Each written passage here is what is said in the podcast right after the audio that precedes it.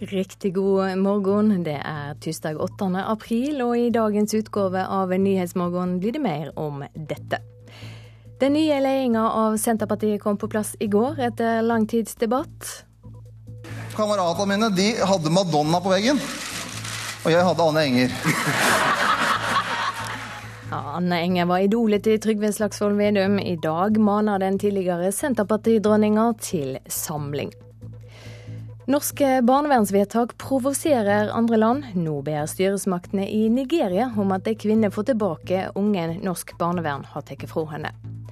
Og flere hundre norske pensjonister føler seg lurte av svenske skattestyresmakter. I dag kommer den nordiske skatteavtalen trolig opp i Nordisk råd. I studio i dag Silje Sande. Tidligere Senterpartileder Anne Enger krever nå ro i rekkene etter den opprivende nestlederstriden. Hun mener den nye ledelsen i Senterpartiet har et stort ansvar for å framstå som samla. Og så var det to nestledere, og partiet ville ha begge to. Det viste seg helt klart, og de fikk begge to. Og da er det jo eh, partiets og ledelsens eh, plikt og ansvar og forpliktelse, vil jeg si, å bygge dette sammen igjen og eh, på en måte greie å fremstå som en sterk og samla ledelse framover. Den tidligere Senterpartidronninga Anne Enger har holdt seg i bakgrunnen gjennom den opprivende personstriden den siste tida. Men nå krever hun ro i rekkene. Den samme budskapen kommer fra partiveteran Magnhild Meltveit Kleppa, som åpent har støtta Anne Beate Tvinnereim i kampen mot Ola Borten Moe. Nå er dette ekstraordinære landsmøtet historie. Da påhviler det både eh, arbeidsutvalget og stortingsgruppa et stort ansvar med å fokusere på politikk. Kleppa legger ikke skjul på at hun gjerne skulle sett et annet utfall av kampvoteringa, som endte med 18 stemmers overvekt til Ola Borten Moe. Jeg forutsetter at eh, alle nå legger vekt på det som samler, og ikke det som splitter. Ei av de som har vært skylda for å være med på splittinga, er tidligere leder i Senterungdommen, Sandra Borch. Hun har kjempa hardt for at Borten Moe skulle få fortsette i partitoppen. Så sliten er det sjelden. Sjelden det har vært både mentalt og ikke minst fysisk, for det har vært, det har vært ei påkjenning de siste ukene. Og nå vil også Borch ha slutt på ufreden. Nei, det, det, er jo ikke til å legge skjul på at det har vært ei tøff tid for alle medlemmene, og ikke minst for partiet. Eh, og nå gjelder det å se framover. Eh, og jeg tror ikke det, det kan ikke være noe, no, noe mer igjen, drittpakker eller brev eller hva som måtte være. Nå må alt ha vært kommet ut. Nå har vi lufta, nå har vi hatt et demokratisk valg. Eh, flertallet har bestemt, eh, og jeg tror at det flertallet har landa på, er til det beste for partiet. Blir det ro nå?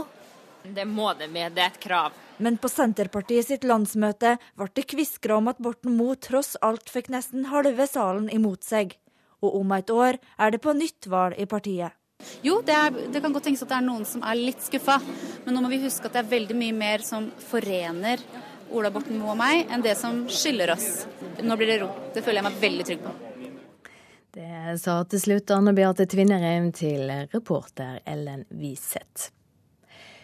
Nigerianske styresmakter krever at Norge griper inn i ei barnevernssak der ei nigeriansk kvinne er fratatt barnet sitt. Både ambassadøren og parlamentet i Nigeria har bedt Norge om å gjøre om på barnevernsvedtaket. Saka er bare ei av flere, og den nigerianske ambassaden er nå svært tydelige i sine oppfordringer til Norge.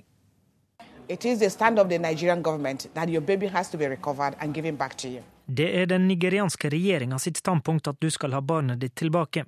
Det sier Bridget O. Egbo ved Nigerias ambassade til Norge the stand of the Nigerian government everywhere in this world is like we cannot permit, under any circumstance, that anybody can confiscate our children. Nigeria vil ikke tillate at andre land konfiskerer våre barn, sier hun videre i samtalen med Queen Ago. Den nigerianske kvinna Queen er gift norsk og bosatt på Helgelandskysten. To uker etter at hun fikk barn, ble sønnen plassert i beredskapsheim. Historia hennes blir fortalt i Brennpunkt i kveld. Nå er saka hennes tema for ambassadøren og for det nigerianske parlamentet. Sjøl mener hun det er kulturelle årsaker til at hun blir sett på som dårlig omsorgsperson, og hun forstår ikke hvorfor hun har havna i den situasjonen hun er i. I don't know what a child welfare I don't, I don't, I don't even experience this kind of situation. Barnevernstjenesten på Ytre Helgeland sier de ikke kan uttale seg om saka, men skriver i sakspapirene at den manglende kontakten mellom mor og barn gjør at barnet måtte i fosterhjem. Uansett hvem som har rett, Kvin er ikke alene. Barnevernssaker har gjort at Norge har havna i kinkige situasjoner med land som Polen, India, Russland, Brasil med flere. Da Jonas Gahr Støre var utenriksminister, opplevde han at dette er et veksende felt. Jeg mener at det skjer oftere nå enn før. I og med at vi har et folk som reiser mye mer, bor mye mer i utlandet, har med seg barn, gifter seg, får barn i utlandet, så blir det flere og flere av de sakene som også omfatter barn. Men den norske linja er å ikke gi etter på slike enkeltsaker. I Kvins tilfelle vil det nigerianske parlamentet høre hva Norge har å si. Det gjør at Oddbjørn Hauge, som er den øverste byråkraten i barnevernavdelinga i departementet, må reise til Abuja for å forklare norsk barnevern for nigerianske politikere. Han kommer ikke til å drøfte mors omsorgsevne eller vedtaket i barnevernet, sier han til NRK. Det må være norsk barnevernlovgivning som gjelder for de barna som oppholder seg i Norge. Og eh, da er det den lokale barnevernssjef, eventuelt fylkesnemnda, som fatter avgjørelsene. Reporter Håvard Grønli. Med meg på telefon nå Atar Ali, klinisk sosionom og leder i Norsk innvandrerforum. Du har lenge vært opptatt av innvandrerfamilier sine møter med barnevernet. Hvorfor tror du Nigeria reagerer som de gjør i denne saka? Ja, altså For det første så er det slik at uh, forholdet mellom barnevernet og minoriteter uh, i Norge i stort sett har vært dårlig. Jeg viser til barnevernets forhold til romanifolk, til samer, til kvener osv. Uh, for det andre så uh, tror jeg det har noe med at barnevernet som institusjon og måten barnevernet jobber på, er en totalt ukjent fenomen for mange med minoritetsbakgrunn. Og det kan ha også noe med at det er ulike eh, oppdragelsesverdier eh, ofte eh, mellom barnevernet og, og minoritetsmiljøer. Vil det si at innvandrerfamilier ikke har tillit til norsk barnevern? Jeg tror skepsis og motstand og kanskje mistillit mellom barnevernet og utenlandske minoriteter er mye dypere enn den skepsisen og motstanden man finner i, det norske samfunnet generelt. Hva er forklaringa på det? Det var det jeg var inne på i stad. Jeg tror, uh, tror det, det, har noe med at barnevernet framstår som veldig ukjent fenomen. Det at, at noen andre enn foreldre kan gå inn og ta omsorgen for barna. Det, den måten å tenke på tror jeg er veldig ukjent for veldig mange med minoritetsbakgrunn. Hva bør gjøres da? Bør en informere bedre? Jeg tror man må informere bedre, og, og enda viktigere er det at eh, barnevernet bør i større grad eh, framstå som en hjelp. Uh, barnevernet er jo både hjelp og kontroll, men i minoritetsmiljøer så er barnevernet dessverre svært ofte eh, er oppfattet som en kontroll, og som kanskje en, en forlenget arm av politiet. Kan det være at barnevernet feiltolker kulturelle forskjeller og oppfatter det som omsorgssvikt? Ja, noen ganger så kan det skje det. Fordi at uh, hva som er uh, en god omsorg, uh, det er jo også historisk og kulturelt betinget. Sånn at barnevernet er jo for det meste etnisk norsk. Sånn at det kan lett føre til misforståelser og misoppfatninger. Vil du si at barnevernet i Norge er for strenge? Jeg syns det er vanskelig å si generelt, men eh, i enkelte saker så uh, tror jeg man kan si at barnevernet har overreagert og, og, ikke tatt uh, kanskje nok hensyn til forskjeller i, i, barneoppdragelse og forskjeller i måte å, å oppdra barn på. Takk skal du ha for at du var med, Atar Ali, leder i Norsk innvandrerforum. Mer om denne og andre barnevernssaker blir det på Brennpunkt på NRK1 klokka 21.30 i kveld. I dag vil trolig et samla Nordisk råd be regjeringene i Norden om å se på den nordiske skatteavtalen på nytt. Bakgrunnen er saka der flere hundre norske pensjonister føler seg lurte av svenske styresmakter. 79 år gamle Åge Venli fra Gjøvik er en av mange som mener han ble feilinformert om skattereglene da han flytta til Sverige for fem år siden. Det er kun vann og kloakk og, søppelavgift og sånt nå, og så eiendomsskatt, og ikke noe annet. Norske pensjonister som betaler skatt til Norge, skal ikke betale skatt til Sverige. Det var regelen, da. Skatteregelen. Men etter to år kom det kontrabeskjed om at pensjonistene etter en regelendring også skulle ha betalt skatt til Sverige. De fikk da krav om etterbetaling, og mange måtte selge huset som vennlig. Til sammen ble det borti en par hundre tusen i skatt. Og pluss at vi, når vi skulle kvitte oss med huset, så var det ikke mulig å få solgt det da for det du hadde gitt. Du tapte ja, borti 400 000 på det på to år. Ja. Stortingsrepresentant Knut Storberget er en av dem som har engasjert seg i saken. Han mener det er helt klart at mange har blitt feilinformert. Jeg syns det er åpenbart at pensjonistene har fått informasjon uh, som har vært feilaktig slik at de har pådratt seg en stor skattegjeld, og mange har jo kommet til et dypt økonomisk uføre. Eh, og Derfor så mener jeg at vi som politikere på nordisk nivå må gjøre hva vi kan for å få de respektive regjeringer, og særlig den svenske, til å rette opp disse skattevedtakene. Saken har tidligere vært oppe i underkomiteer i Nordisk råd, men på Island i dag vil trolig et samlet Nordisk råd komme en formell henvendelse til regjeringene i de nordiske landene, der de ber dem se på saken, sier Storberget at eh, Nordisk råd ber regjeringene om å gå gjennom den nordiske skatteavtalen, om den fungerer godt nok, og ikke minst eh, tar en gjennomgang av pensjonistenes saker og korrigerer der hvor det har blitt gjort feil. Storberget håper dette skal føre til at de som er feilinformert, får penger tilbake. Det samme gjør Åge Venli. Du vet, Jeg håper jo alltid på det, da. Vi er rett og slett blitt bondefanga, får jeg si. Reporter Tom Ingebrigtsen. Nå skal vi se på hva avisene skriver om på sine framsider i dag. Full krangel etter familiebesøk, skriver Bergens Tidende. Nyheten om at familievirksomheten Frank Moen AS skulle selges, kom som ei bombe på sønnen Fredrik Wilhelm Moen på lørdag. Han mener faren bryter et løfte om at virksomheten skal forbli i familien. Også Dagens Næringsliv skriver om at Trond Moen har solgt familievirksomheten for 13 milliarder kroner. Avisa skriver at bergensinvestoren blir skjelt ut av sonen og hylla av dattera. Den samme saka er omtalt av Klassekampen, som skriver at det er sviende strid om milliardimperiet. Men tanken bak salet av familiebedrifter er ifølge Fellesforbundet å sikre 1200 norske arbeidsplasser. Nasjonen skriver om gårsdagens ekstraordinære landsmøte i Senterpartiet. Avisa bruker halve framsida på et bilde av nestleder Ola Borten Moe, som ikke tror duellen med Anne Beate Tvinnereim skaper varige sår.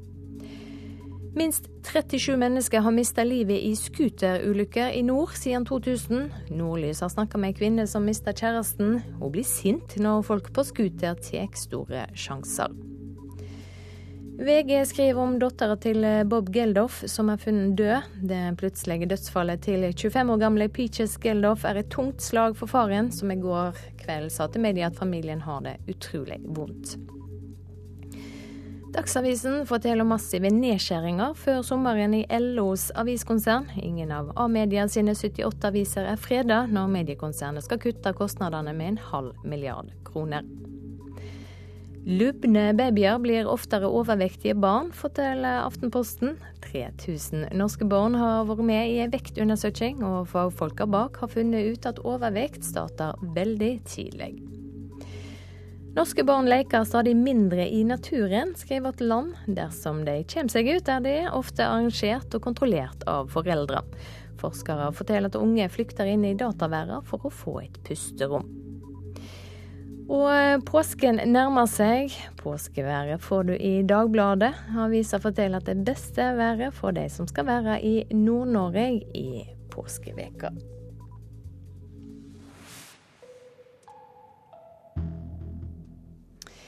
Nå blir det sport, for eh, syklisten Alexander Kristoff kan tredoble lønna si ved å bytte lag etter sesongen. Likevel rår sykkelekspert i NRK Dag Erik Pedersen nordmannen til å bli der han er. Selv om BMC ønsker han tilbake, det var jo der han begynte karrieren sin, så vil nok mitt råd til Kristoff være å bli der du er. For det er på Katusha han har blitt en god rytter. Og det er ikke noe automatikk at han blir like god på, på BMC. Mener den tidligere sykkelproffen. Som vi meldte i Dagsrevyen i går, kan Kristoff, som i dag tjener ca. 5 millioner kroner i året, tredoble lønna ved å bytte lag neste sesong. Da må han i så fall kjøpes ut av kontrakten som han har med Katusha, som løper i ytterligere to sesonger. Så klart det er mulig, men det er jo prisen hva laget setter. og det, det, det, er ikke normalt i sykkelsporten å kjøpe ut ryttere på den måten. Det, det er mer for vanlig fotball. Så han skal være der han er, og så utvikle seg videre. Han har en fantastisk trener og en utrolig sjøldisiplin, og har nå fått losen på de aller beste i verden. Aldri har en norsk syklist vært rangert som verdens tredje beste eller bedre. Det er Kristoff nå. Det er snakk om hvem du blir god sammen med. Det er ikke en automatikk at er man god på ett fotballag, så er man god på det neste man kommer. Jeg tror det er snakk om hvem du har med deg. og På Katusha så har Alexander Kristoff en fantastisk posisjon. Han har gitt dem en eh, monumentseier her for uh, noen dager siden. Han er i ferd med å kjøre sin beste proffsesong noen gang. Jeg er helt sikker på at han får de betingelsene som skal til for å bli der videre. Reporter Tommy Barstein. Du hører på Nyhetsmorgen i NRK P2 og Alltid nyheter. Klokka er 6.46, og dette er hovedsaker i nyhetene i dag. Senterparti-veteraner ber nå om ro i rekkene etter den siste tidas turbulens om hvem som skal styre partiet. Det er svært lang ventetid for å slippe til hos psykolog. Folk med store problemer risikerer å måtte gå uten hjelp i over ett år. Og straks skal vi høre at fagfolk mener det blir utdanna for mange skuespillere. Mange av dem går rett til arbeidsløse.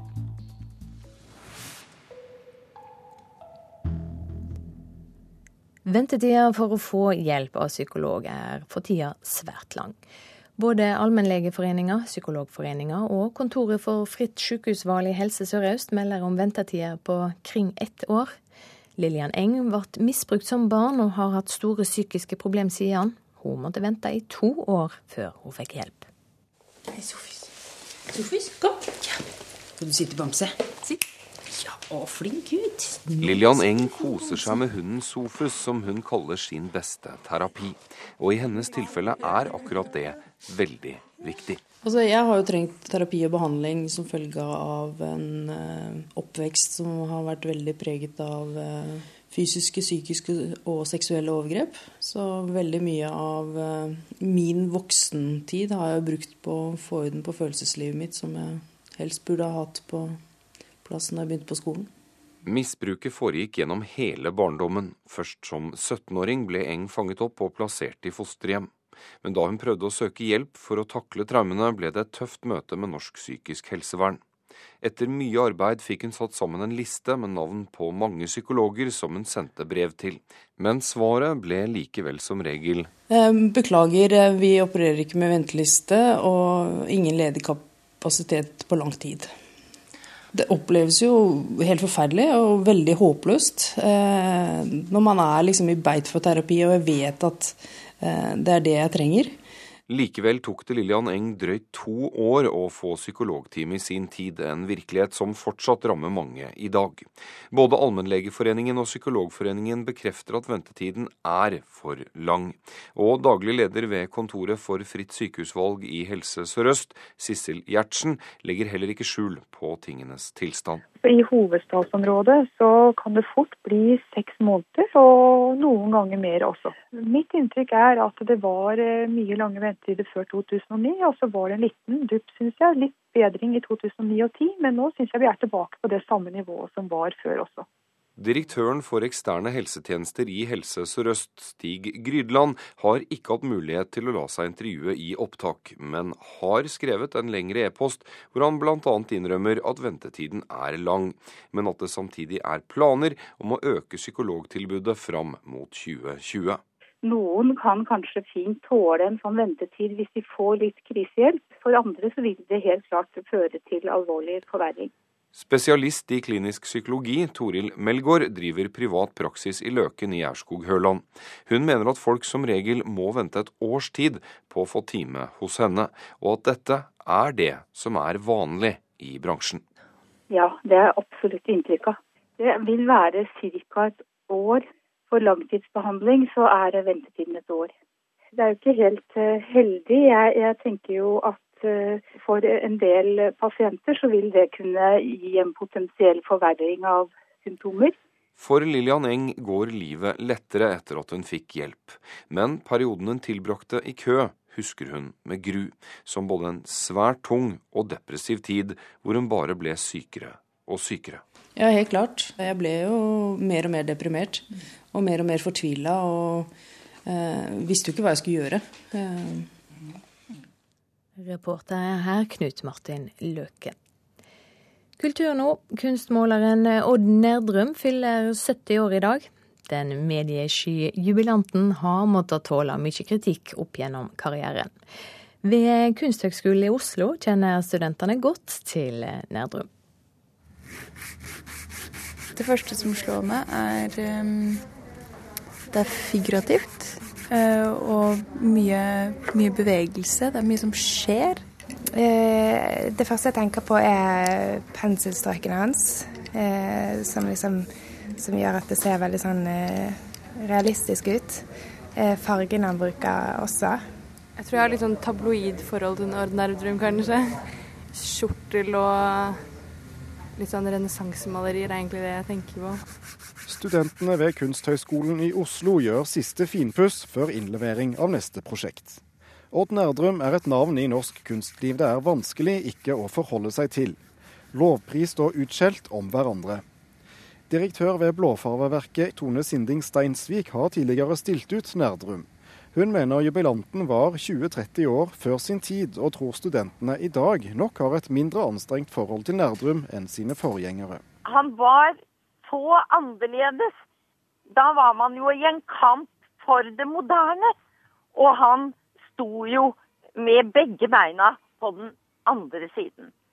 Og eh, det er jo interessant å se at han i dag uh, er på en måte i tiden, da. I nyere tid har Odd Nerdrum bestemt seg for ikke å snakke med norske medier. Men på 80-tallet var han gjest flere ganger hos Dan Børge Akerø i Lørdagen. Selv om det var familieprogram, og sånt, så satt han i kjortelen sin med filosofibok. Og, og var altså et, et unikum altså et, for TV. Veldig TV-tekke. Og sa at uh, vi må begynne å undervise barna våre filosofi i skolen. Det er mye viktigere enn alt det andre. På den tiden var det ganske så spesielt å si. Sier Dan Børge Akerø i dag. Odd Nerdrum var veldig klar over sin egen posisjon, og likte å leke med ilden i studio.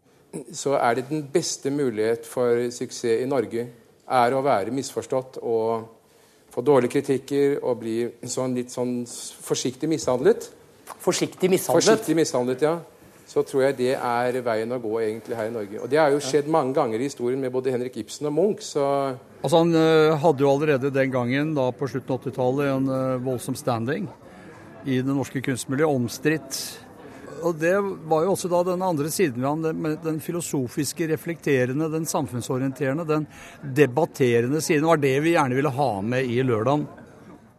Reporter Synne Rustad og Thomas Alberstein Ove. Det blir utdanna for mange skuespillere i Norge. Det gjør at flere blir arbeidsløse, og kvaliteten på utdanningene blir dårligere. Det mener studieleder Ørjan Hattrem ved Teaterhøgskolen i Nord-Trøndelag. Ved privatskolen NIS i Oslo blir det uteksaminert 15 skuespillerstudenter hvert år. Høyre eller venstre hånd går opp i en hilsning, og det kommer en skarp hei og fryser. Ved skuespillerutdanningen på privatskolen NIS i Oslo undervises det i skuespillermetoden laget av den russiske teaterguruen Stanislavskij. NIS er en av flere private skuespillerutdanninger i Norge, i tillegg til tre statlige teaterhøyskoler. Jo flere utdanninger, så har du økt konkurranse, som er bra for teaterfeltet. Fordi da vil du, ha, du vil kunne øke eh, kvaliteten i utdanningene. Sier Eva Løveid Mølster, avdelingsleder for scenekunst og visuell kunst ved NIS. Men det er ikke alle enig i. Jeg tror at uh, vi dessverre utdanner for mange skuespillere, og det fører til at vi får flere og flere som uh, havner over på å måtte forsørge seg sjøl med dagpenger eller eh, sosiale midler. Mener Ørjan Hattrem, studieleder ved Teaterhøgskolen i Nord-Trøndelag. I går fortalte NRK at det har vært en kraftig økning i antall arbeidsløse kunst- og kulturarbeidere som går på Nav. På kun to år er det over 20% flere kunst- og kulturarbeidere som går på dagpenger. Det gjelder bl.a. skuespillere, som Hattrem mener det utdannes for mange av. Både ved de private, men også ved de offentlige teaterskolene. Vi mister muligheten for å, å, å opprette eller videreutvikle kvalitet. Det, det, kvalitative ligger faktisk i at vi, vi har eh, konkurransedyktige skoler som eh, slåss om å få de beste talentene til å få optimalisert sin, eh, sine ferdigheter. Da får vi en masse middelmådighet, eh, dessverre, eh, av folk som eh, nærmest er sjanseløse til å, å gjøre dette som en yrkeskarriere. Mølster ved NIS er ikke enig i Hattrem. Hun mener vi trenger mangfoldet, og syns heller skolene bør bli flinkere til å hjelpe elevene med å få seg relevant jobb. Øke eh, fokus på hvordan man kan sikre at de, de, man studerer kan få seg en jobb. Dvs. Si f.eks. ved å innføre en kunnskap om entreprenørskap, om økonomi, om juss, om hvordan du bygger opp ditt eget Statssekretær i Kunnskapsdepartementet Bjørn Haugstad forteller at det foreløpig ikke er aktuelt å styre kapasiteten ved skolene. Samtidig så er det klart at når mange utdanner seg til arbeidsledighet, så er jo det problematisk for den enkelte, og det er problematisk for, eh, for samfunnet. Det sa statssekretær Bjørn Haugstad til reporter Christian Ingebretsen. Og det blir mer kultur her i Nyhetsmorgen om en times tid. Så skal vi ha et værvarsel fra Meteorologisk institutt. Fjellet i Sør-Norge får sørøstlig liten kuling utsatte steder først på dagen. Sludd eller snø fra sør, lite nedbør lengst nord. Østlandet østlig kortvarig liten kuling på kysten. Regn fra sør, sludd i høyere strøk og i nord. Lokalt mye nedbør sør for Mjøsa. Telemark får regn og lokalt mye nedbør. Agder fra i ettermiddag liten kuling av skiftende retning på kysten. Vestlig stiv kuling på kysten vest for Lindesnes. Regn av og til, i kveld lettere vær. Rogaland østlig liten kuling utsatte steder. Fra i ettermiddag nordvest stiv kuling på kysten. Perioder med regn, lettere vær i kveld. Hordaland østlig liten kuling utsatte steder. Fra i ettermiddag nordvest liten kuling på kysten. Perioder med regn, i kveld lettere vær i ytre strøk. Sogn og Fjordane får perioder med regn. Møre og Romsdal skyer, stort sett opphold. I kveld regn. Trøndelag økende til sørøstlig stiv kuling utsatte steder. Oppholdsvær, i kveld regn, først i sør. Nordland østlig liten kuling utsatte steder. I ettermiddag sørøstlig lokalt stiv kuling sør for Bodø, ellers til dels fint vær. Troms får sørøstlig liten kuling utsatte steder. Skyer enkelte steder i grensetraktene, ellers mest fint vær. Finnmark utpå ettermiddagen sørøstlig liten kuling i vest, enkelte snøbyger i øst. Ellers mest fint vær. Og Nordensjøland på Spitsbergen på kysten. Av og til sørlig liten kuling, i kveld dreiende sørvestlig. Litt snø. Temperaturlista målt eh, klokka fem. Svalbard lufthavn minus 13. Kirkenes minus 5. Vardø minus 4. Alta minus 12. Tromsø-Langnes minus 7. Bodø, der var det pluss 2. Brønnøysund pluss 5. Trondheim-Værnes 4. Molde 5. Bergen-Flesland 10. Stavanger 10. Kristiansand-Kjevik 8. Gardermoen 5. Det var det også på Lillehammer. Røros 2 grader. Og Oslo-Blindern 7 grader. Det er eh, venta lågere temperaturer i Sør-Norge, sør for Sogn og Dovre. Ellers i Sør-Norge blir temperaturene som i går, eller litt høyere. I Nord-Norge blir dagen omtrent som i går, medan det blir litt varmere på Spitsbergen. NRK P2. Kirkemøtet bestemmer i dag om homofile skal få gifte seg i kyrkja. Nigerianske styresmakter er opprørte over norsk barnevernspolitikk. Her er NRK Dagsnytt klokka sju. De som er imot at homofile skal få gifte seg i kyrkja, varsler videre kamp dersom kyrkja i dag bestemmer at prester skal få vie to av samme kjønn. Kristine Gunnleiksrud Råum er for likekjønna ekteskap i kyrkja. Denne saken er jo ikke over eh, hvis det blir et slikt vedtak her. Det blir ikke ro i denne saken før vi tar konsekvensen av at det er to syn i Den norske kirke i denne saken. Kristin har et poeng i dette at det er to syn. Det er jeg enig i, det er to syn. Men jeg mener vi kan ikke ha to praksiser. Situasjonen i dag er den at kirka leker i alle ender. Eh, det det er stadig flere mennesker som, eh, som søker til andre eh, sammenhenger fordi de blir lut lei av den evinnelige debatten hos oss. Sa Egil Morland, som kjemper mot at homofile skal få gifte seg i kyrkja. Oljefondet vil ha løyve til å øke risikoen i investeringene sine. Norges Bank-sjef Øystein Olsen og toppsjef i oljefondet Yngve Slyngstad skriver i et brev til Finansdepartementet at de vil doble risikoen som Statens pensjonsfond utland, eller oljefondet, tar i dag. Det skriver Dagens Næringsliv. BI-professor Bruno Gerard sier han er skeptisk til å øke risikoen, og at han er uroa for kontrollen med fondet. Nigerianske styresmakter krever at Norge griper inn og endrer et vedtak i en barnevernssak der en nigeriansk kvinne fratar barnet sitt. Både ambassadøren og parlamentet har bedt Norge gjøre om på barnevernsvedtaket. Saka er en av flere som har opprørt den nigerianske ambassaden. Atar Ali, sosionom og leder i Norsk innvandrerforum, sier barnevernet må informere bedre. Hva som er eh, en god omsorg, eh, det er jo også historisk og kulturelt eh, betinget. Sånn at barnevernet er jo for det meste etnisk norsk.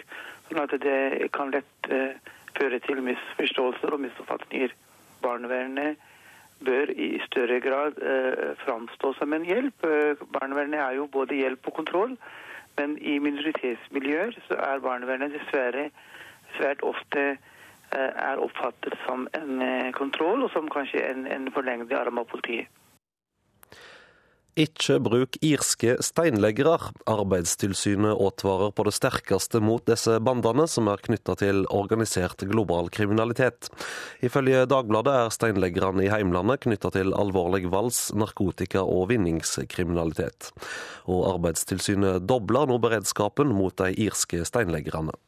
NRK Dagsnytt, Vidar Eidhammer. Her i Nyhetsmorgen på P2 og Alltid nyheter blir det straks mer om homofile og kirkebryllup. I Ukraina er situasjonen svært spent i flere byer. Bråkmakerne blir skylda for å være betalte tilreisende. Og skuffa helsearbeidere som ble oppmoda om å ta kostbar etterutdanning, har bare fått tilbud om deltidsstillinger etterpå.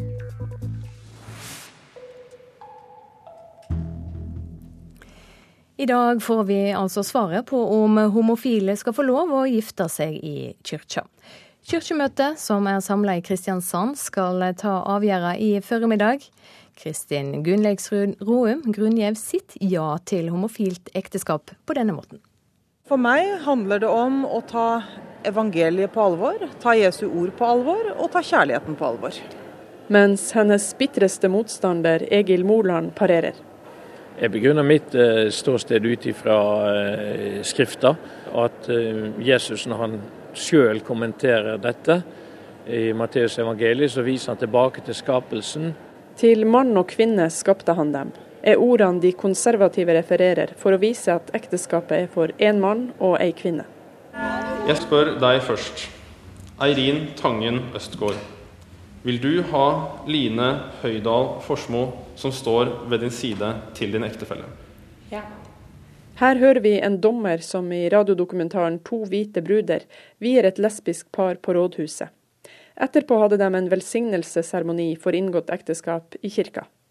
I dag har flere homofile par ulike typer seremonier i kirka for å markere ekteskapet, men altså ikke en gyldig vielse. Nå vil Gundeksrud Råum at kirka skal ta steget helt ut. Jeg vet hvor utrolig viktig det er for mange homofile å få lov til å komme i kirken med hele sitt liv. Og kirkens ekteskapsforståelse har hele tiden endret seg, og måten vi holder, forholder oss til Bibelen på har hele tiden eh, endret seg. Også i Det gamle testamentet, ikke minst. Men vi skal ikke dra de eksemplene. Altså, det er én ting som ikke har endret seg i kirkas ekteskapsforståing gjennom alle tider, og det er kjønnspolariteten som konstituerende. Og eh, Det blir gjerne sagt her at en viser til Bibelen, men altså en, en seg, forholder seg til Bibelen på et helt overordna plan, men har bare svevende henvisninger til, til kjærligheten hele tida. Egil Moland og Kristin Gunnlegstrud Råum er kanskje de to menneskene på kirkemøtet som er aller mest uenige. De har til felles at de viser til Bibelen, men der stopper likheten. De siste dagene har dem og deres grupperinger brukt mye krefter på å påvirke de av delegatene som ennå ikke har bestemt seg. 116 personer skal stemme i dag, og hver stemme er avgjørende. Hva gjør forkjemperen for homoekteskap om hennes syn ikke når frem? Denne saken er jo ikke over eh, hvis det blir et slikt vedtak her. Det blir ikke ro i denne saken før vi tar konsekvensen av at det er to syn i Den norske kirke i denne saken. Eh, og Det det handler om er at vi skal ta konsekvensen av å også kunne praktisere begge de to synene. Og Før det skjer, blir det ikke ro i kirken, og da bare fortsetter vi å jobbe. Kommer du til å forlate kirka hvis det blir vigsel av likekjønna? Hvis den nye læra blir forkynt og praktisert i min egen kirkely, så er nok jeg også kommet til veis ende. Reporter Eva Marie Bulai. I eh, studio nå Trygve Jorheim, redaktør i Tru- og kirkeavdelinga i avisa Vårt Land. Hvor eh, splitta vil du si at kirkemøtet er i denne saka? Det er eh, splittet fra den ene til den andre siden. Og så er det ganske mange som ønsker å finne en løsning på dette her. Jeg var til stede på Debatten lørdag kveld, og, og her er det mye, mye ekte ønske om å få til noe som alle kan leve med. Ja, er det mulig å få til et kompromiss? Det, er jo, det får vi nå se, men, men, det er klart at dette er jo et ja-nei-spørsmål i utgangspunktet. For Egil Moland så er det jo det, det hører vi. For Kristin Gunnleiksrud Råum er det jo også et spørsmål som måte ikke kan besvares på noen annen måte enn den måten som de selv mener er riktig. Så, så spør du om ja og nei og får et tja, så vil jo ikke de som vil ha ja eller nei være fornøyd. I en kommentar så har du skrevet om mistenkeliggjøring og dårlig stemning. Hva legger du i det? Eh, her har man jo et forslag som eh, Eller man har tre forslag for alle praktiske formål. Så kan man enten bli stående der man er i dag, altså ingenting. Eh, man kan også innføre en forbønnsliturgi ved at man da har en fast ordning for å be for de som har gifta seg homofilt på rådhuset eller på tinghuset. Eller man kan gå inn for en vigselsliturgi. Nå kan det se ut som at denne forbønnsliturgien kan bli resultatet på dette her. Det vet vi ikke ennå, og mye kan skje i dag under debatten. men men uansett så er det jo ikke sånn at eh, de som vil ha vigselsliturgi, kommer til å gi seg. Slik at eh, mange vil nok oppfatte den forbønnsliturgiløsningen som et steg mot noe mer. Eh, som en slags del av en aksjon. Sånn at man skuler på hverandre og lurer på hva som ligger egentlig bak. Et forslag som tilsynelatende kan se ut som et kompromiss. Hvorfor er denne saka så vanskelig for eh, mange? Det er fordi det handler om eh, på den ene siden eh, bibeltolkning og bibelsyn for mange, og så handler det om menneskers liv og identitet på den andre siden. Og De to tingene er ekstremt grunnleggende uansett. Sånn at kryssende hensyn og, og krasjende ønsker for begge parter argumenterer med det som står i Bibelen? Ja, og det opplevde jeg veldig på den debatten på lørdag, at her er det ikke noen som tar lett på det. Folk ønsker å, å ta troa si og mennesker på alvor, og så lander de på forskjellige standpunkter. Hva tror du blir eh, utfallet?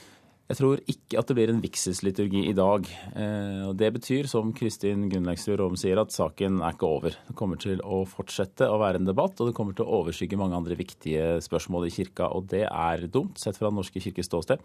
Jeg tror at det i dag kommer til å lande på en eh, forbundsliturgi. At man setter i gang et arbeid for å utvikle en sånn liturgi, som da vil bli vedtatt på kirkemøtet neste år. Eh, så er jo spørsmålet hvordan den begrunnes, og det er der den litt kompliserte kirkelige bibelske debatten kommer til å stå i dag. Men eh, det blir ikke et endelig resultat Nei, slik du ser det? det? det? tror jeg ikke. Eh, vi gjorde en undersøkelse foran Kirkemøtet i fjor på, blant, eh, blant, nordmenn, og eh, opinionen støtter jo de som ønsker en vigselsliturgi. Sånn at tiden og folkemeningen jobber for den fløyen. Slik at det blir nok ikke ro før Det blir nok ikke ro, kan vi si det sånn. Eh, til slutt, når i dag skal denne avrisninga skje? Ja, Plenumsdebatten eh, begynner nå klokka kvart på ni. Og klokka ett så skal det være ferdig med alt som eh, skal tas i dag. Og det er ikke bare denne saken, flere andre saker også. Så, men i hvert fall innen klokka ett så skal vi ha svaret, har vi blitt fortalt. Og så veit vi at det alltid sprekker på Kirkemøtet. Takk skal du ha for at du kom i studio, Trygve Jorheim fra avisa Vårt Land. Ukraina nå. Det kommer skuldinger om at de russiske opprørerne i Øst-Ukraina ikke er lokale innbyggere, men betalte tilreisende. Den ukrainske statsministeren skulle Russland for å mobilisere etniske russere som ønsker å bryte ut av Ukraina. Samtidig har Russland stående store tropper langs eh, Ukrainas østgrense. Og med meg eh, Russland-korrespondent Hans-Wilhelm Steinfeld, du er på plass i Kiev. Dette vi ser nå, er det en reprise av det som skjedde på Krimhalvøya i februar, som ender med russisk invasjon og anneksjon? Moskva på alvor, så betyr det ikke det. Putin har jo entydig sagt fra talerstolen i Kreml at Russland ikke er interessert i en videre oppstilling av Ukraina etter at Russland invaderte og annekterte Krim. Men Russland holder da store troppestyrker, 35 000-40 000 stående langs Ukrainas grense. Og det er en form for stille statlig terror for å gjøre det um, utrivelig, ustabilt for ukrainerne, mener statsminister um, Arsenij Jatsenjuk. Uh, og det som da blir resultatet, er naturligvis at det er veldig vanskelig å se for seg en dialog med mellom Russland og Ukraina i den voldsomt spente situasjonen som utvikler seg denne våren. Men dersom dette ikke er det samme som på Krim, hvorfor gjør russerne dette da? Russerne gjør dette fordi de politisk har null tillit til myndighetene i Kiev. For å bruke et litt frekt uttrykk, de vil forjævlisere forholdene for myndighetene i Ukraina frem mot presidentvalget 25. mai i et naivt og uintelligent forsøk på å øh, ha en strategi som går på at klarer de å gjøre det ustabilt, så skulle det favorisere de kandidatene til presidentvalget i Ukraina 25. mai som er positive til Russland. Det kan Russland bare glemme her i Ukraina. Og så er det planlagt firepartsforhandlinger de neste ti dagene mellom Russland, Ukraina, USA og EU. Hva blir temaet der? Ja, Det blir fremfor alt et uh, ukrainsk krav støttet av Vesten unisont om at russerne må pelle seg unna grensen og slutte å stå og ruse motorene på sine tanks langs Ukrainas grense. Så vil det fra Russlands side bli gjort uh, krav om garantier for at f.eks. Ja, de tross alt ni millioner russere som bor her i Ukraina, fortsatt skal kunne bruke sitt språk.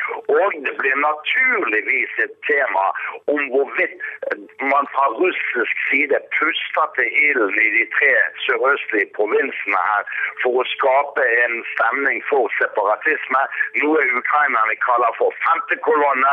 Og i sentrum av Kiev står det store plakater der Putins og Hitlers ansikt er gjort til en og samme ting. Og Putins politikk på Krim i eh, februar-mars og Hitlers anneksjon av Tsjekkoslovakia i 1938 blir gjort til en og samme ting. Hvordan er den politiske stemninga blant den eh, jevne etniske ukrainer? Det er jo 32 millioner av dem mot 9 millioner russere i Ukraina. Hvis Russland skulle finne på å gå inn i Ukraina militært, så blir det krig. Akkurat som det ville blitt det hvis Sovjetunionen hadde gått inn i Polen desember 1981. Eh, det torde ikke Sovjetunionen. De tvang da i stedet polakkene til unntakstilstand. Her vil det bli krig. Men den politiske stemningen nå er sliten. Folk er trøtt av demonstrasjoner. Vanlige mennesker vil ha et normalt liv. Og så er det en hard kjerne som holder til på Maidan fordi de er redd for å bli politisk lurt. Og så av de nye lederne som kom til makten her i Ukraina etter at eh, Viktor Janukovitsj flyktet hals over hode etter blodbadet den 20. februar, og forlot sin post som president 22. februar. Takk skal du ha for at du var med, Hans-Wilhelm Steinfeld. Vi beklager at linja var litt dårlig. Innenriksministeren i Ukraina sier nå at en antiterroraksjon er i gang i den østlige byen Kharkiv, der russiske nasjonalister har okkupert offentlige bygninger. Og det heter at eh, kring 70 mennesker er arresterte. Samtidig følger verden nøye med på hva som skjer øst i Ukraina. I dag skal statsminister Arsenij Jatsjenok tale til parlamentarikerforsamlinga i Europarådet. Og generalsekretær i Europarådet, Torbjørn Jagland, hvordan vurderer du situasjonen nett nå? Nei, Den er jo veldig sårbar, selvfølgelig. Jeg har detaljerte rapporter fra hele Øst-Ukraina. Og eh, Det er vel også tendenser til å overdrive eh, hva som skjer der. Det er jo ikke veldig mange som eh, har vært med i demonstrasjonen. Det er stort sett et hundretalls. Det er sannsynligvis snakk om ganske ekstremistiske grupper. Men, men, men, for all del, situasjonen er veldig alvorlig. Det har den vært hele tiden. Hva slags diskusjoner pågår i Europarådet om krisa i Ukraina? Nei, Vi har en veldig viktig rolle å spille i Ukraina ved at vi jo har jobbet med å hjelpe myndighetene der til å etablere nye politiske institusjoner. Det er jo det helt avgjørende nå er jo å få en valglov som kan sikre representasjon fra alle deler av landet. Det er jo det er viktig å få en konstitusjon som også gjør at alle Eh, føler at de kan være med i det politiske og økonomiske liv. Dette er jo helt grunnleggende for å holde Ukraina sammen. og Jeg har eh, en avtale med myndighetene i landet om at de har utplassert eh, min egen, mine egne folk i nasjonalforsamlingen der, som nå jobber sammen med nasjonalforsamlingen, til og med deltar i komiteenes arbeid der, for å lage denne nye lovgivningen. Eh, som er nødvendig for å holde landet sammen. Og Dessuten er, spiller vi en hovedrolle når det gjelder å observere og garantere minoritetenes eh, stilling i landet, som også er en helt, annen, en helt avgjørende faktor. Ja, vil du si at dette arbeidet er i rute med å få på plass eh, disse institusjonene? Ja, det er lenge siden jeg fikk på plass mine folk uh, som i nasjonalforsamlingen i Kiev, og som jobber tett opp mot regjeringen og nasjonalforsamlingen der når det gjelder den nye valgloven, som er helt avgjørende, og den nye konstitusjonen, som er like avgjørende. Så alt dette er i rute, men det er ikke noen lett jobb, fordi landet er på mange måter delt, og det er, veldig, det er sammensatt av veldig mange forskjellige Eh, grupper. Når man snakker om Øst-Ukraina og russerne der, så må man klare at det ikke er en entydig gruppe.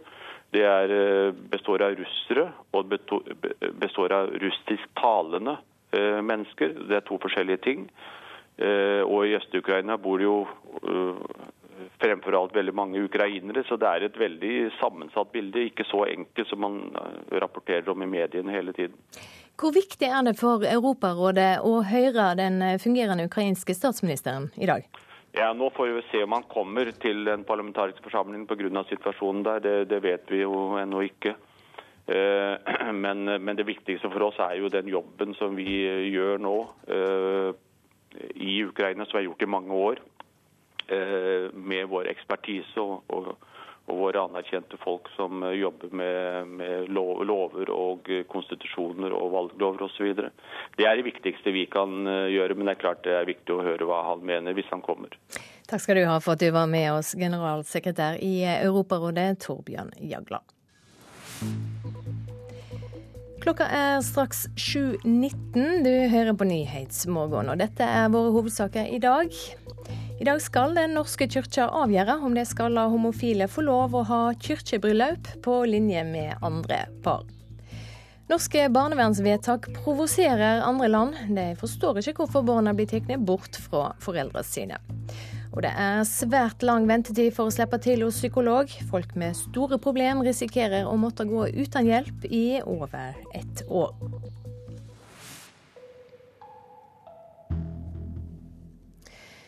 Nå skal vi høre at fem sykepleiere ved Sykehuset Nordland i Bodø tok kostbar etterutdanning fordi de ble oppmoda om det eh, av arbeidsgiver. Likevel fikk de bare deltidsstillinger etterpå. Nå føler de seg lurte. Nei, jeg burde kanskje ha fått det ned skriftlig, at man eh, skulle få 100% fast stilling etter endt utdanning. Sykepleier Jeanette Andreassen hadde en 50% stilling ved Nordlandssykehuset. I 2012 ble hun og flere andre oppfordret til å ta videreutdanning til spesialsykepleier, med stipend fra sykehuset, mot en bindingstid på to år etter studiet. Andreassen ventet å få høyere stillingsbrøk når hun kom tilbake, men fikk det motsatte, bare 45% fast stilling. Nei, jeg har jo nå egentlig forplikta meg da, til å jobbe ufrivillig deltid i to år. Avtalen om etterutdanning sier ikke noe konkret om økt stillingsbrøk. Personalsjef ved Nordlandssykehuset, Liss Eberg, sier dette ikke var noe tema, selv om sykehuset betalte deler av utdannelsen. Det er en åpen avtale eh, som man går inn i med åpne øyne. Og eh, vi har ikke lova 100% stilling eh, til arbeidstakere som har gjennomført den utdanninga. I helse- og omsorgskomiteen på Stortinget reagerer Arbeiderpartiets Torgeir Micaelsen på praksisen ved Nordlandssykehuset. Det verste er at det er manglende respekt for folk som har tatt en tilleggsutdanning, eh, og som blir tilbudt eh, å bare bruke halve kompetansen sin ved ja, ferdig utdanning. Og pasientene og samfunnet trenger disse folkene. Micaelsen har stilt spørsmål til helseminister Bent Høie om saken, og fått svar. Høie vil ikke kritisere Nordlandssykehuset i den konkrete saken, men sier han har instruert helseforetakene til å innføre det han kaller en heltidskultur. Jeg har gitt eh, helseregionen i oppdrag å jobbe for å få flere heltidsstillinger, sånn at de som ønsker det, får muligheten til å jobbe heltid. Det er mitt eh, oppdrag til de som, eh, som eier. Eh, så er det de som har arbeidsgiveransvaret, som må finne praktiske løsninger på det, og bli enige både med de ulike arbeidstakerorganisasjonene og den enkelte arbeidstaker for å få det til. Jeanette Andreassen og fire andre er nå bundet til å jobbe ved et sykehus i to år, der de ikke får full stilling slik de ønsket og trodde de skulle få. Jeg angrer ikke på at det tok kompetanseheving, det gjør jeg ikke. men jeg jeg syns det er veldig trist at man ikke kan få stilling når behovet er der. Det sa spesialsykepleier Jeanette Andreassen, reporter Lars Håkon Pedersen. Forbundsleder Eli Gunhild By i Sykepleierforbundet, hvordan syns du denne saka er eh, håndtert?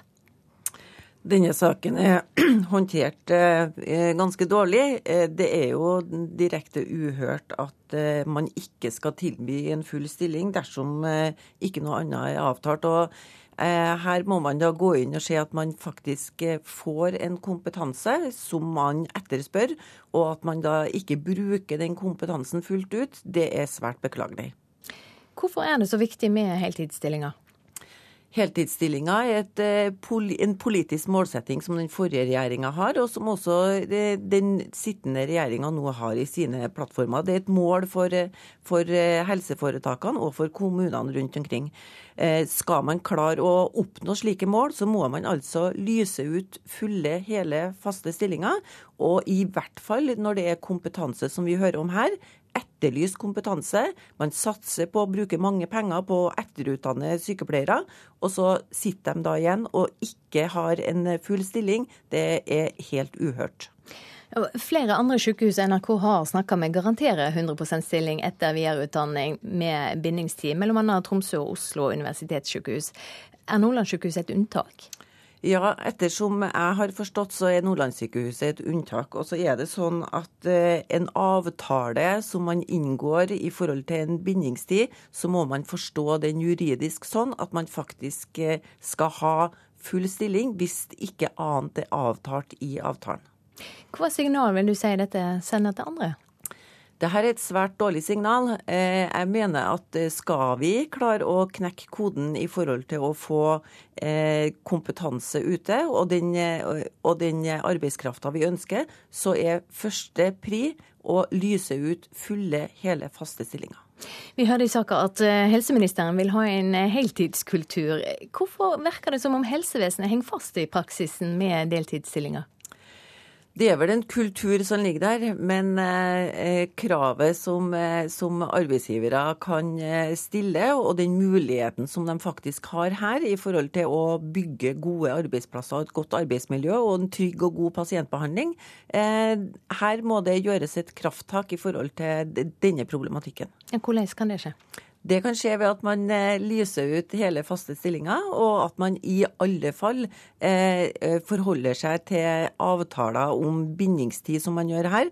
Her altså knytter man opp en arbeidstaker til å faktisk ikke eh, være selvstendig økonomisk i to år, eh, det, det, kan vi ikke leve med i Norge i dag. Ja, Begrepet å bare bruke halv kompetanse, hører vi her. Mm. Og det er eh, Når man bruker tid og penger, det er etterspurt arbeidskraft vi snakker om her. Eh, eh, og det å da eh, eh, ansvarliggjøre hver enkelt i forhold til at de skal ha en 45% stilling, eh, hvor de da ikke har mulighet til å klare seg økonomisk, det er helt uhørt. Hva kan det gjøre for å hjelpe? Vi fortsetter å, å eh, er tydelige i forhold til det at, at arbeidsgivere faktisk må lyse ut disse fulle, faste stillingene. Det er den eneste veien vi kan gå. Og vi er helt klar på å hjelpe disse sykepleierne eh, sånn at de skal få juridisk bistand i forhold til den avtalen de faktisk har gått inn. Takk skal du ha for at du kom i studio, forbundsleder Eli Gunhild By i Sykepleierforbundet. LO-leder Gerd Kristiansen går på vegne av LO ut og oppmoder Jonas Gahr Støre om å si ja til å bli leder i Arbeiderpartiet. Det skriver VG. Noen av LO-forbundene har tidligere tatt til orde for at det bør bli en debatt om hvem som skal overta roret i Arbeiderpartiet. Ifølge LO-lederen har hun sekretariatet i LO bak seg når hun sier at Støre bør bli den nye partilederen. Det er vår, og stadig flere av oss tar fram syklene. I Trondheim er ikke alle trafikanter like glade for å møte på tohjulingene, og spesielt ikke de som bruker beina sjølve. Mitt inntrykk er at de tar lite hensyn. De kommer ganske fort. Hva syns du om det? Nei, Selvfølgelig syns jeg det er utrivelig. Til syklister i trafikken, det aksepterer jeg greit. Så lenge de ikke råkjører. Men jeg mener, Sånn er det vel med alle trafikantene, er ikke det? Du aksepterer dem når de er, oppfører seg som de bør. Gjør de ikke det, så blir du sur. Ja, Utfordringen er jo at de skal ta hensyn til hverandre. Mange syklister sykler fort. Mange fotgjengere hører heller ikke at de kommer. Eh, og da, da oppstår det ubehagelige situasjoner. Liv Øvstedal er seniorforsker ved Sintef teknologi og samfunn. Hun har forska på fotgjengere i by, barn i trafikken og syklisters atferd. Gående føler ofte ubehag i møte med syklister, sier trafikkforskeren. Fra tidligere så var det mest eldre mennesker som syntes at syklister var et problem. Nå opplever vi at det er også andre trafikanter som opplever at syklistene kommer for fort og for uventet og ikke tar hensyn. Ulykkesstatistikken tyder ikke på at mange gående blir påkjørt og alvorlig skadd av syklister. Konflikten mellom trafikkgruppene er likevel ikke uproblematisk, med en trafikkforsker Øvstedal. Det er allikevel et demokratiproblem. Skal alle få lov til å være fotgjengere på gata? Og skal vi legge til rette for en bredde av syklister, og ikke bare de som sykler hurtig? Begge de eh, tingene tror jeg er viktig. Ja, altså Når man ikke skiller gående fra syklende på en klar måte, så, så føler jeg klart at uh, gående at uh, syklende kommer raskt innpå dem, og, og, og det er skremmende. Mange som føler det. Rikard Liodden Sanders er leder av Syklistenes Landsforening Trondheim. Så Løsningen på det, det er å skille. Altså, her skal fotgjengerne gå, her skal syklistene sykle. Statens vegvesen jobber også for å skille gående og syklende i større grad. Trafikkforsker Øvstedal tror ikke det vil løse hele problemet. Jeg er litt eh, utrygg på den utviklingen, fordi jeg mener at det fører til at syklistene sykler enda fortere. Jeg er også litt eh, Altså det her blir en brannfakkel. Jeg er veldig eh, for hverdagsmosjon, men jeg er også litt usikker på sånn som noen mosjonerer, om de heller burde vært på et lukka treningsanlegg. Og så må vi diskutere hvordan vi kan få til et trafikkmiljø i Norge hvor eh, trafikantene tar hensyn til hverandre. Eh, det har utvikla seg en kultur hvor det er jeg som skal fram. Det er ikke det vi ser. Altså, det er flere og flere som begynner å sykle. Så får, vi får opp flere typer syklister, ikke bare folk som har det travelt å, å sykle fram til jobb eh, fortest mulig, men eh, syklister i alle grupper og flere kvinner. Så får man eh, mer differensiert eh, brukergruppe, og som tar hensyn til hverandre. Det sa Rikard Lioden Sanders til reporter Elisabeth Skarrud. Det er straks eh, tid for Dagsnytt. Produsent for eh, Nyhetsmorgen i dag, Eli Bjelland. I studio, Silje Sande.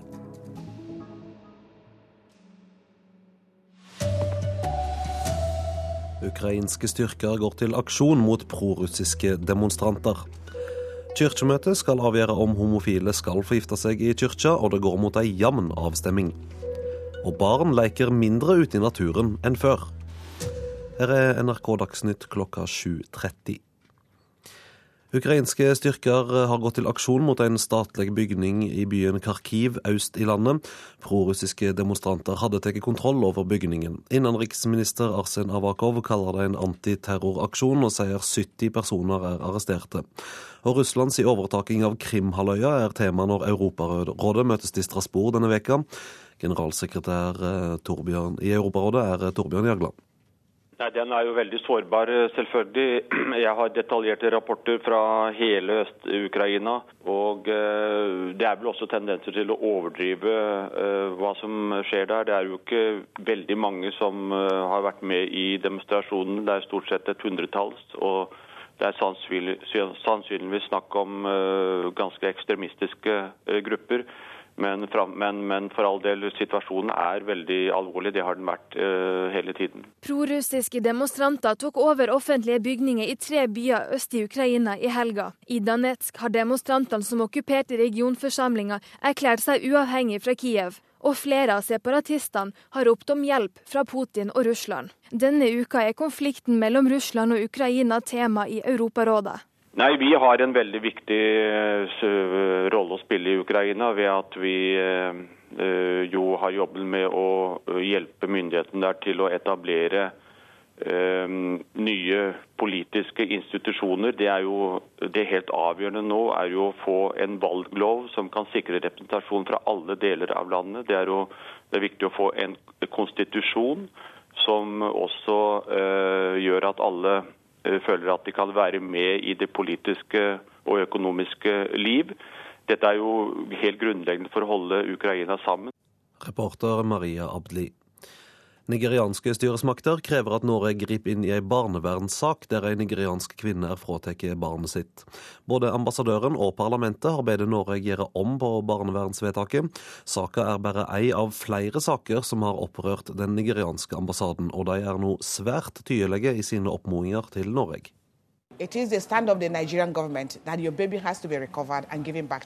Det er den nigerianske regjeringa sitt standpunkt at du skal ha barnet ditt tilbake.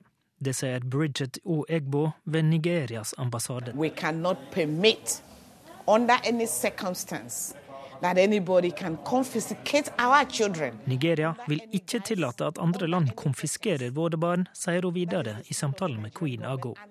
Den nigerianske kvinna Queen er gift norsk og bosatt på Helgelandskysten. To uker etter at hun fikk barn, ble sønnen plassert i beredskapsheim. Nå er saka hennes tema for ambassadøren og for det nigerianske parlamentet. Sjøl mener hun det er kulturelle årsaker til at hun blir sett på som dårlig omsorgsperson. Barnevernstjenesten på Ytre Helgeland sier de ikke kan uttale seg om saka, men skriver i sakspapirene at den manglende kontakten mellom mor og barn gjør at barnet måtte i fosterhjem. Barnevernssaker har gjort at Norge har havna i kinkige situasjoner med land som Polen, India, Russland, Brasil med flere. Oddbjørn Hauge, som er den øverste byråkraten i barnevernavdelinga i departementet, må reise til Abuja for å forklare norsk barnevern for nigerianske politikere. Han kommer ikke til å drøfte mors omsorgsevne, sier han til NRK. Nei, Vi bistår egentlig kun med det å gi informasjon om hvordan systemet fungerer. Og vi avviser alltid, veldig kontant, å gå inn i enkeltsaker. Reporter Håvard Grønli og mer om denne og andre barnevernssaker på Brennpunkt på NRK1 klokka 21.30 i kveld. Homodebatten skaper fremdeles steile fronter i kyrkja. Kyrkja sitt storting kirkemøte skal i dag stemme over om homofile kan få gifte seg i kyrkja. Både ja- og nei-sida har mobilisert alle krefter for å vinne. Jeg spør deg først. Eirin Tangen Østgård. Vil du ha Line Høydal Forsmo som står ved din side til din ektefelle? Ja. Dette er en dommer som i radiodokumentaren 'To hvite bruder' vier et lesbisk par på rådhuset. Men Kristin Gunnleiksrud Råum vil at prester i framtida skal kunne vie homofile. For meg handler det om å ta evangeliet på alvor, ta Jesu ord på alvor og ta kjærligheten på alvor. Mens Egil Moland er imot. Jeg begrunner mitt eh, ståsted ut ifra eh, Skrifta. At eh, Jesus, når han sjøl kommenterer dette i Matteus evangeliet, så viser han tilbake til skapelsen. Til mann og kvinne skapte han dem. Det er hovedargumentet til dem som mener mann og mann eller kvinne og kvinne ikke passer inn i et kirkebryllup. Før kirkemøtet hadde begge sider regna seg frem til at de hadde rundt 50 delegater på hver sin side. I dag skal til sammen 116 delegater på kirkemøtet avgi sin stemme. Dekan ved Teologisk fakultet ved Universitetet i Oslo, Trygve Wyller, er spent. Jeg har egentlig ingen magefølelse. Men stort sett alle disse sakene i Kirkemøtet, at denne typen svære, kontroversielle ting, har endt med et bitte lite flertall den ene eller andre veien. Og det pågår intenst lobbyarbeid i gangene på Kirkemøtet for å overbevise dem som ennå ikke har bestemt seg. Det foregår eh, masse tautrekninger og sånn, så det er helt umulig å si. Jeg tror ingen vet det. Det er enda mer spennende enn Senterpartiets nestlederdebatt. Reporter på kirkemøtet i Kristiansand er Eva Marie Bulai. Store mengder sprengstoff ble i går kveld funnet nedgravd i en hage på Figgjo i Sandnes i Rogaland. Den tidligere huseieren er pågripen i saka. Operasjonsleder Kurt Løklingholm i Rogaland politidistrikt sier det var den nåværende eieren som fant sprengstoffet. I går kveld så ringer det en huseier til oss og forteller at han har funnet noe som ligner på dynamitt i, i hagen under noe opprydding. og Vi kjører ut og vi finner, vi finner noe dynamitt og vi finner noe militært sprengstoff. Så det vi har gjort nå, nå har vi sperra av der ute. og Bombegrupper fra Oslo de vil komme i løpet av morgenen formiddagen og ta seg av dette. Operasjonsleder Kurt Løklingholm. Barn leker mindre i naturen enn før. Nå skjer leiken i regi av voksne, syner en ny undersøking om norske barn sitt forhold til naturen. Og så Isfiske med barnas turlag. Og så, så kjente jeg at det nappa litt. Og leke i skogen på feriekoloni. Nå avhenger barns turopplevelser av hva voksne legger opp til, ifølge seniorforsker Margrethe Skaar, og sånn var det ikke før. Ifølge forskeren ved Norsk institutt for naturforskning er barna mindre ute i naturen, og det er foreldrene som drar barna ut for å aktivisere dem. At foreldre og voksne turledere styrer aktiviteten, kan hemme samspillet mellom barn og natur og barn imellom, sier Skaar til Vårt Land. Hun mener de voksne legger lokk på den frie leken. Hva fraværet av lek på egen hånd i naturen betyr for barns selvstendighet, kreativitet, stedsans og oppmerksomhet, er det ifølge avisa lite forskning på. Det sa reporter Kristine Svendsen. Fem sykepleiere ved Nordlandssykehuset i Bodø krever å få fulle stillinger ved sykehuset, etter at de har tatt ei dyr etterutdanning støtta av arbeidsgiveren. De fem ble satt i deltidsstillinger etter utdanninga, og må jobbe ved sykehuset i to år. Jeanette Andreassen mener sykehuset ikke bruker ekspertisen de sjøl har betalt for. Nei, jeg har jo nå egentlig forplikta meg da, til å jobbe ufrivillig deltid i to år. Sykehuset Nordland i Bodø oppfordret Jeanette til å ta videreutdanning som spesialsykepleier på barneavdelingen, og innvilget stipend og permisjon med krav om to års bindingstid etterpå. Men utfallet ble enda lavere fast stilling enn før utdannelsen, bare 45% stilling. Nei, jeg burde kanskje ha fått det ned skriftlig, at man eh, skulle få 100% fast stilling etter endt utdanning. Fire andre sykepleiere ved Sykehuset Nordland er i lignende situasjon.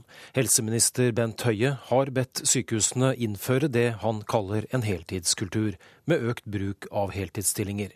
Høie vil ikke kritisere Nordlandssykehuset i den konkrete saken, men jeg mener at det er for dårlig i dag. Det er nettopp derfor jeg òg har gitt oppdraget om å jobbe for at flere av de som ønsker å jobbe heltid, skal få muligheten eh, til det.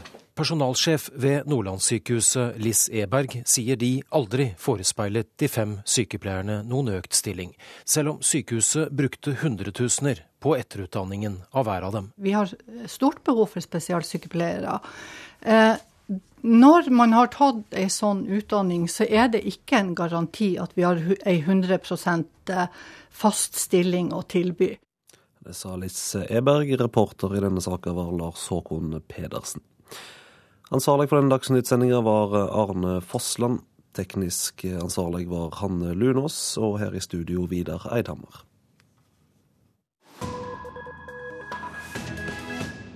Menneskesmugling av barn fra Latin-Amerika til USA er blitt et økende problem. På samme måte som de mange tusen voksne som hvert år drar samme vei uten pass og visum, ber også barna på et håp om et bedre liv nord for grensa. Men eh, som oftest ender det i tragedie med knuste drømmer, forteller reporter Inger-Marit Kolstad Bråten. Et tog med drømmer er på vei nordover gjennom Mexico og mot USA, med håp om et bedre liv. Unge menn klamrer seg fast på taket, og noen henger langs siden av toget som fyker gjennom sukkerrørsmarkene sør i Mexico. Dette regnes som en av verdens farligste reiser. Likevel tar titusenvis av mellomamerikanere sjansen hvert år. Og stadig flere av dem er altså barn forteller Benedicte Bull, som er førsteamanuensis ved Senter for utvikling og miljø ved Universitetet i Oslo. Det er flere og flere som flykter pga. volden, og da særlig kanskje barn og unge, som ofte er under trusler fra ungdomsgjenger, såkalte maras. Eh, enten at de blir tvangsrekruttert eller skal bli tatt av maras av en eller annen grunn. Og så er det vel en dynamikk i det. At når noen drar, eh, og noen, klarer å, noen faktisk klarer seg, så hører man historiene, og så er det flere som blir motivert til å dra fra ganske håpløse situasjoner, og da kanskje særlig i Honduras. Men ikke alle kommer trygt fram til drømmenes land USA. Forrige uke fortalte meksikanske myndigheter at de hadde funnet nærmere 400 barn i forkommen tilstand, og at de hadde arrestert ni menneskesmuglere. De minste barna skal ha vært bare ni år, skriver flere medier. Barna ble funnet forskjellige steder i Mexico i løpet av en uke i mars. Det tyder på at mange barn er i samme situasjon. Og barn som reiser aleine eller blir forlatt av foreldrene sine på vei mot USA, blir utsatt for en enorm risiko.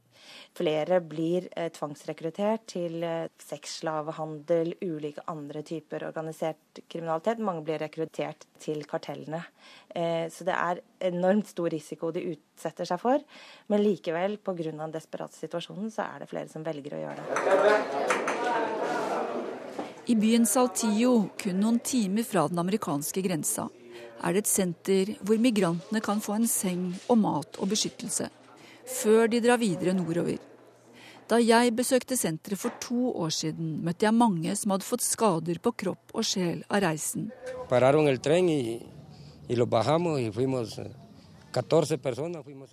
Da toget stoppet i byen Nueva Laredo, tok de med seg 14 personer. Vi ble tatt med til et hus hvor de ville ha telefonnumrene til familiene våre. For å presse dem for penger, forteller Osman fra Honduras.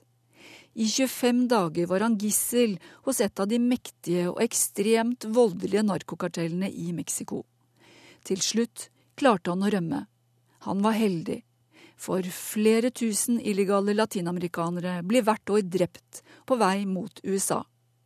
Men fattigdommen og volden i Honduras, El Salvador og flere av de andre mellomamerikanske landene får titusenvis til å dra hvert år. Det er kommet lite informasjon fra meksikanske myndigheter om hva som hadde skjedd med de nærmere 400 barna før de ble funnet.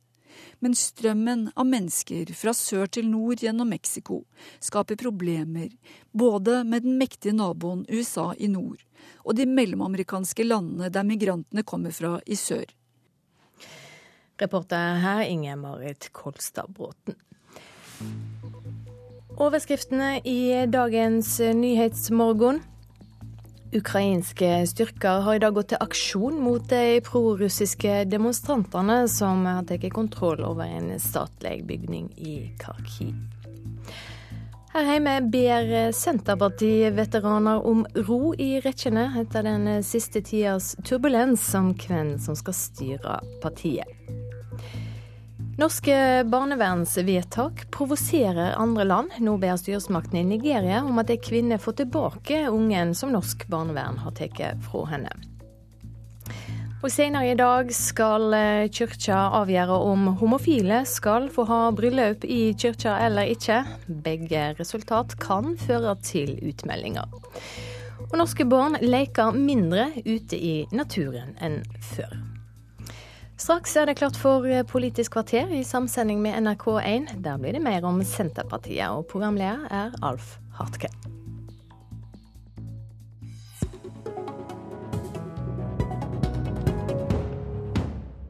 Jeg tror det er et intenst ønske i hele partiet om eh, nå å avslutte det vi har vært gjennom. Sett punktum.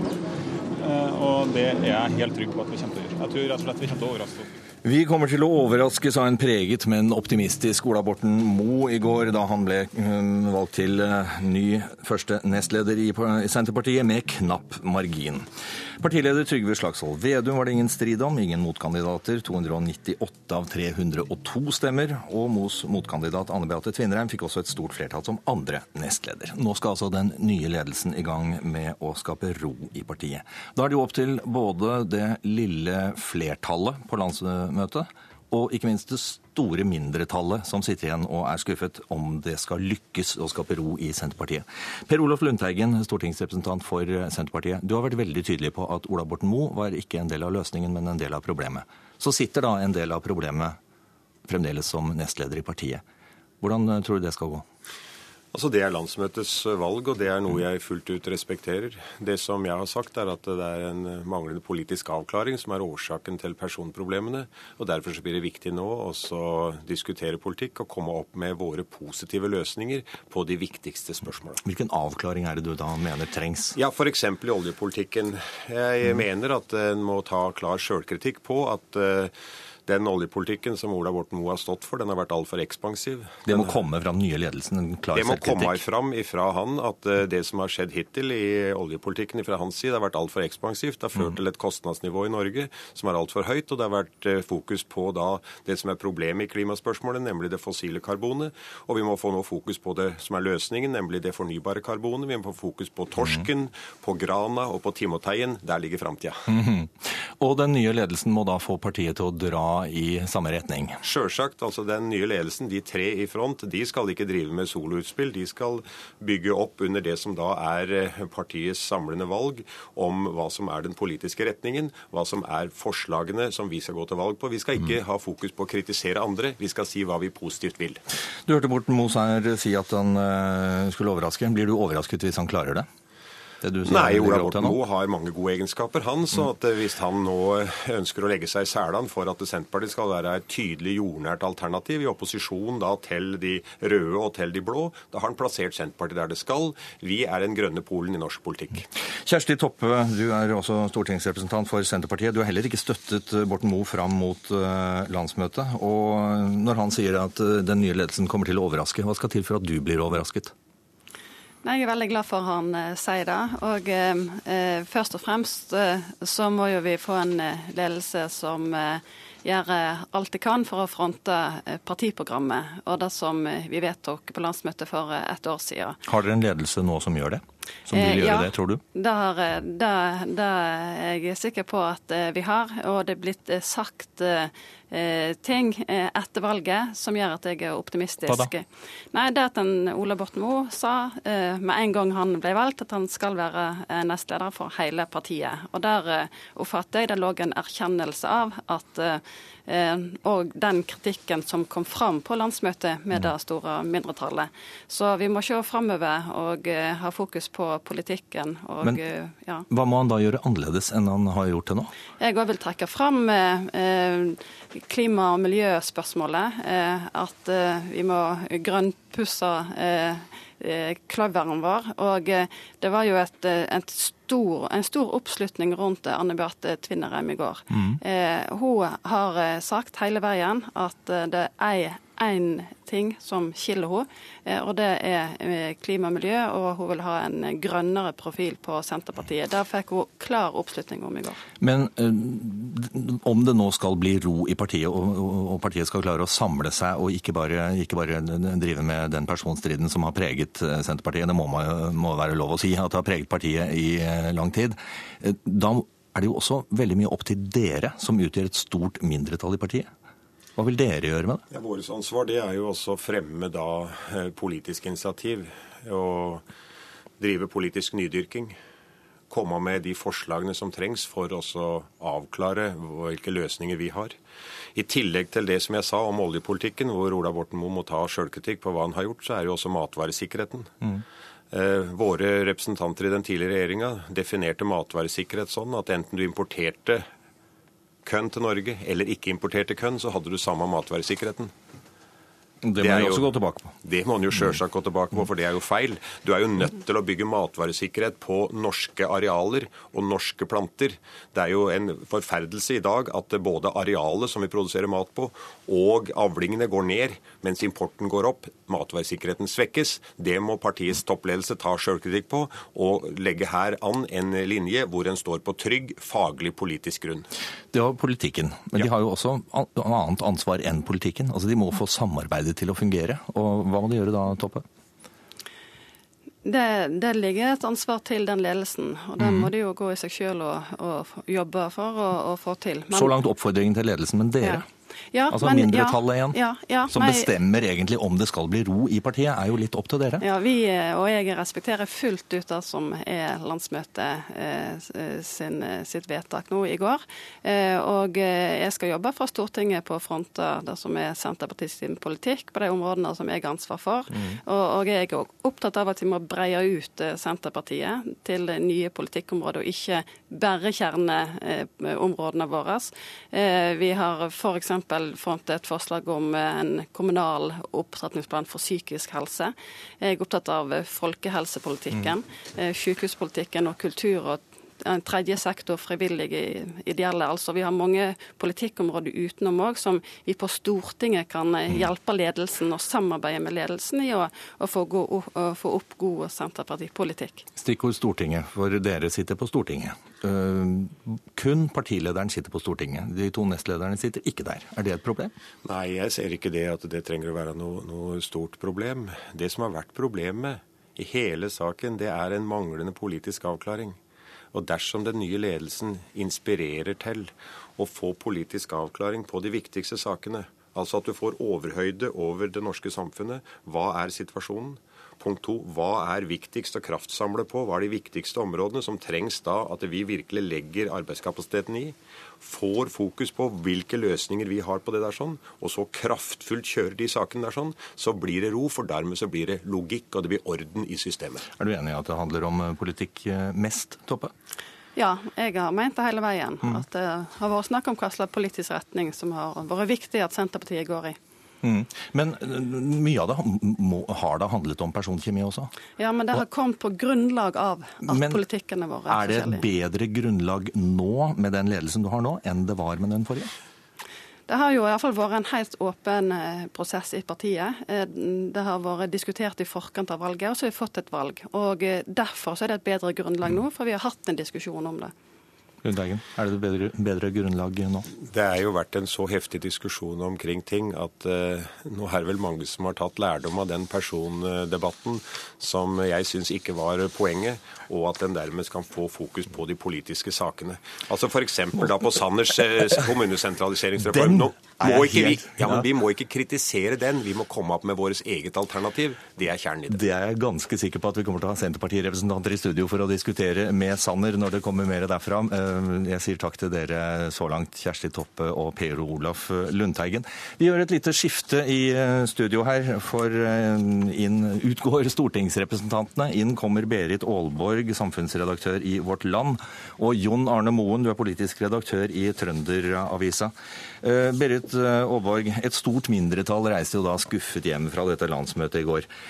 Hvordan tror du partiledelsen Hvor må de starte igjen for å håndtere dette her? Jeg tror jo de startet, og Dette handler jo særlig om Borten Moe. Han mm. starta jo allerede i går, både før og etter valget, ved å si at han ville være leder for eh, hele partiet.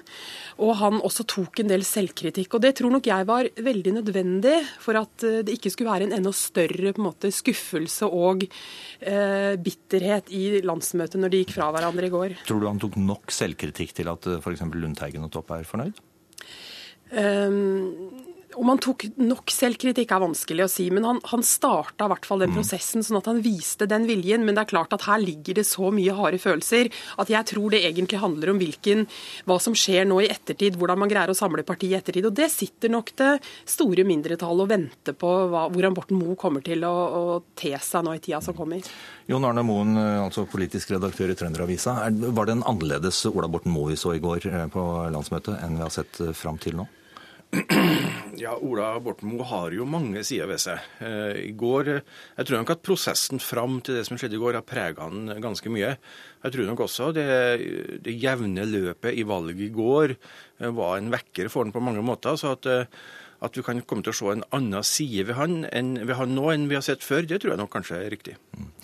Trygve Slagsvold Vedum fikk det store mm, mandatet, det virkelig solide mandatet i går med 298 stemmer, var det vel, av, av 302. Eh, så alle ser på han som den samlende kandidaten, men det er jo ikke nok at det er en samlende leder. Det må jo være en samlende ledelse. Mm. Eh, hvordan skal de klare det? Ja, Nå handler jo eh, politisk ledelse om både politikk, og det handler også om eh, hvordan eh, de forskjellige forholder seg til hverandre. Jeg tror jo at Et av de store problemene i den forrige ledelsen var at det var veldig dårlig personkjemi, mellom, særlig mellom da Ola Borten Moe og Liv Signe Navarsete. Det er helt tydelig at det er annerledes med, med Trygve Slagsvold Vedum og Borten Moe. Så får vi da se hvordan det går når Tvinnereim kommer inn i det trekløveret der. Jeg tror nok at de tre personene vi her snakker om, har bedre forutsetninger for å jobbe sammen enn de forrige tre hadde. Det varierer litt. Ja, eh, ja vær så god. Ja.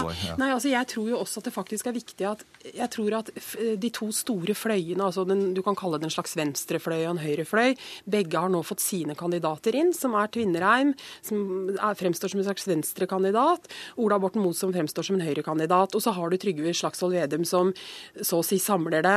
Og jeg tror nok det hadde vært vanskelig å gå videre hvis ikke de store fløyene hadde fått inn sin kandidat. Så hvis personkjemien er god i en politisk ledelse, så er det alltid en fordel at fløyene i partiet har sine kandidater inn, vel å merke hvis de greier å samarbeide. Mm.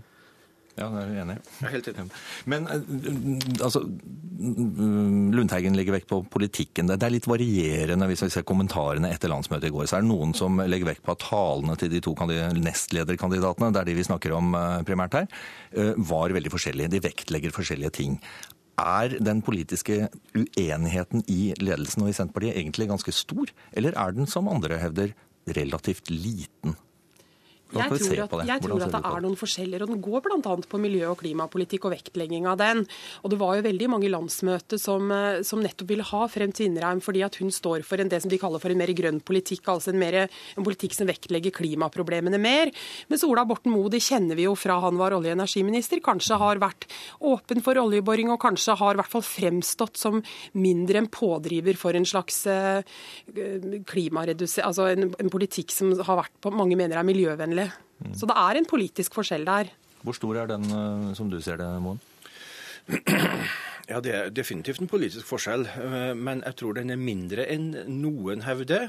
Og så er den kanskje større enn Ola Borten Moe i går prøvde å framstille det som. Mm. Eh, men at det er en forskjell, ja. Men jeg tror at den forskjellen er ikke større enn at de kan leve ganske godt med det. Blir det et problem for partilederen, som vi var så vidt inne på med stortingsrepresentantene her også, at det er bare han som sitter på Stortinget? Nei, jeg tror ikke det. Og jeg tror også vi kommer til å se at man velger en annen parlamentarisk leder enn partilederen. Eh, mm. Noe som ytterligere forsterker akkurat dette her. Jeg tror at nå sitter man i opposisjon. Man har tid til å dyrke og bygge egen organisasjon. Det tror jeg trengs. Så får man da jobbe i Stortinget i opposisjonsrollen, og det tror jeg Marit Arnstad kommer til å håndtere først og fremst. Ja, Det var, det var stikkord. Jeg skulle spørre, Det blir vel Marit Arnstad, det da, som alle peker på. Er det opplagt, eh, tror du, Holborg? Jeg tror, at, eh, ja, jeg tror det er ganske opplagt, og også fordi hun har sagt ja til det selv. Og Marit Arnstad er jo en, en politiker som Senterpartiet har villet ha til veldig mye. Og hun har jo sagt nei flere runder til å bli leder for partiet, men parlamentarisk leder er en rolle hun kan tenke seg. Og da tror jeg hun kommer til å få den. Jeg har også lyst til å kommentere på dette med om en nestleder som sitter utafor Stortinget. Det kan være et problem hvis du har veldig urutinerte nestledere der ute.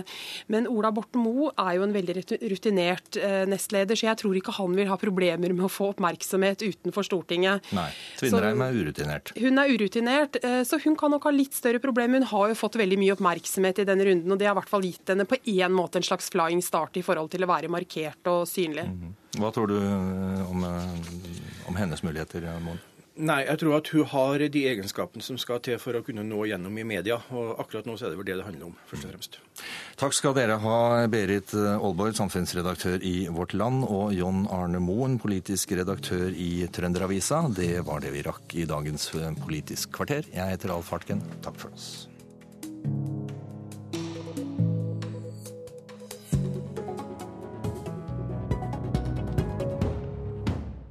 Hør flere podkaster på nrk.no podkast.